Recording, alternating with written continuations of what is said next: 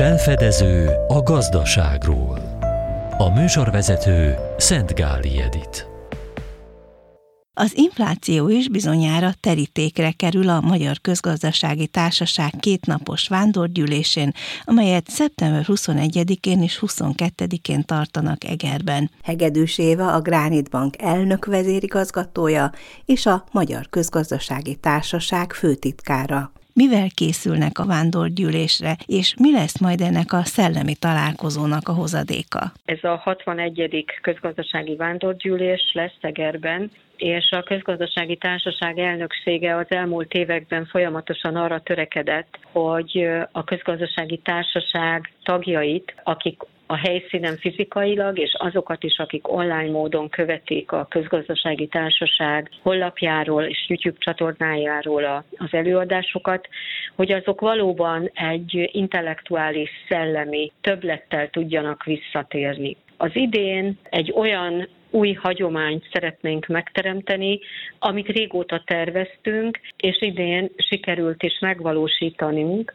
Nagy örömünkre szolgál, hogy Matolcsi György jegybankelnök úr és Varga Mihály pénzügyminiszter úr egy panelbeszélgetés keretében fog beszélni a magyar gazdaság aktuál politikai kérdéseiről, a pénz- és tőkepiacok helyzetéről, és ezt a panelbeszélgetést Klessinger Gyula, a Magyar Közgazdasági Társaság elnöke fogja moderálni.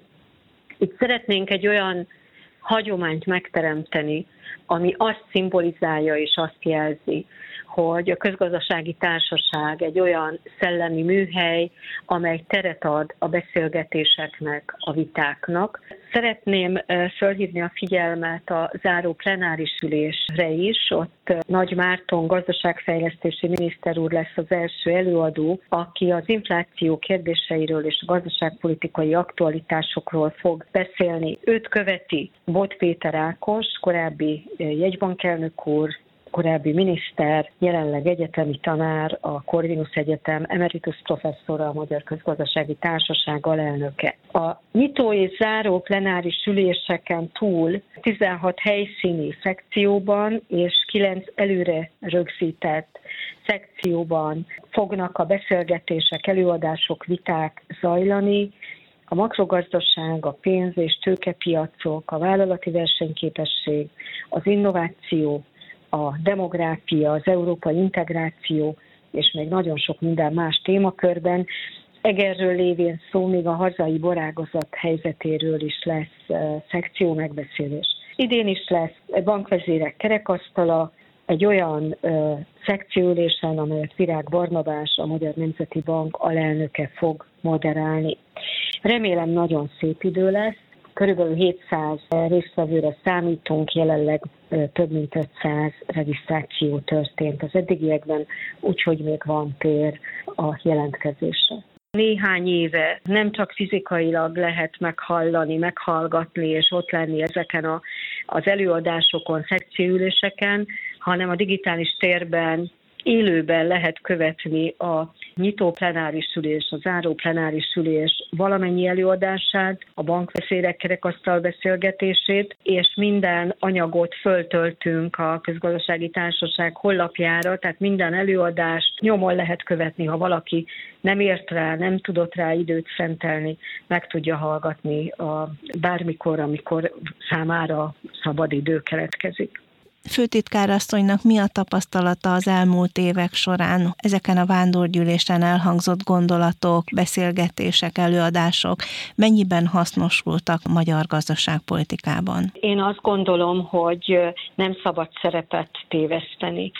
A Magyar Közgazdasági Társaság egy civil szervezet, egy műhely, ahol oktatók, kutatók, jegybankárok, volt jegybankárok, bankárok, vállalatvezetők vesznek részt, és a tapasztalataikkal szeretnék fölhívni bizonyos kérdésekre a figyelmet, és ezeket a legfontosabb tapasztalatokat néhány éve a kormány részére átadjuk, és én azt gondolom, hogy nagyon sok olyan téma megközelítés hangzott el az elmúlt időszakban, és remélem fog elhangozni az idei vándorgyűlésen is, ami inspirációt, talán megoldási lehetőségeket is biztosít az arra nyitott kormányzati szereplők számára is. És az üzleti életben, a kutatásban is nagyon fontos a párbeszéd, a személyes kapcsolat. Bizonyos lazább keretek között sokkal egyszerűbb egy, egy este vagy egy reggeli keretében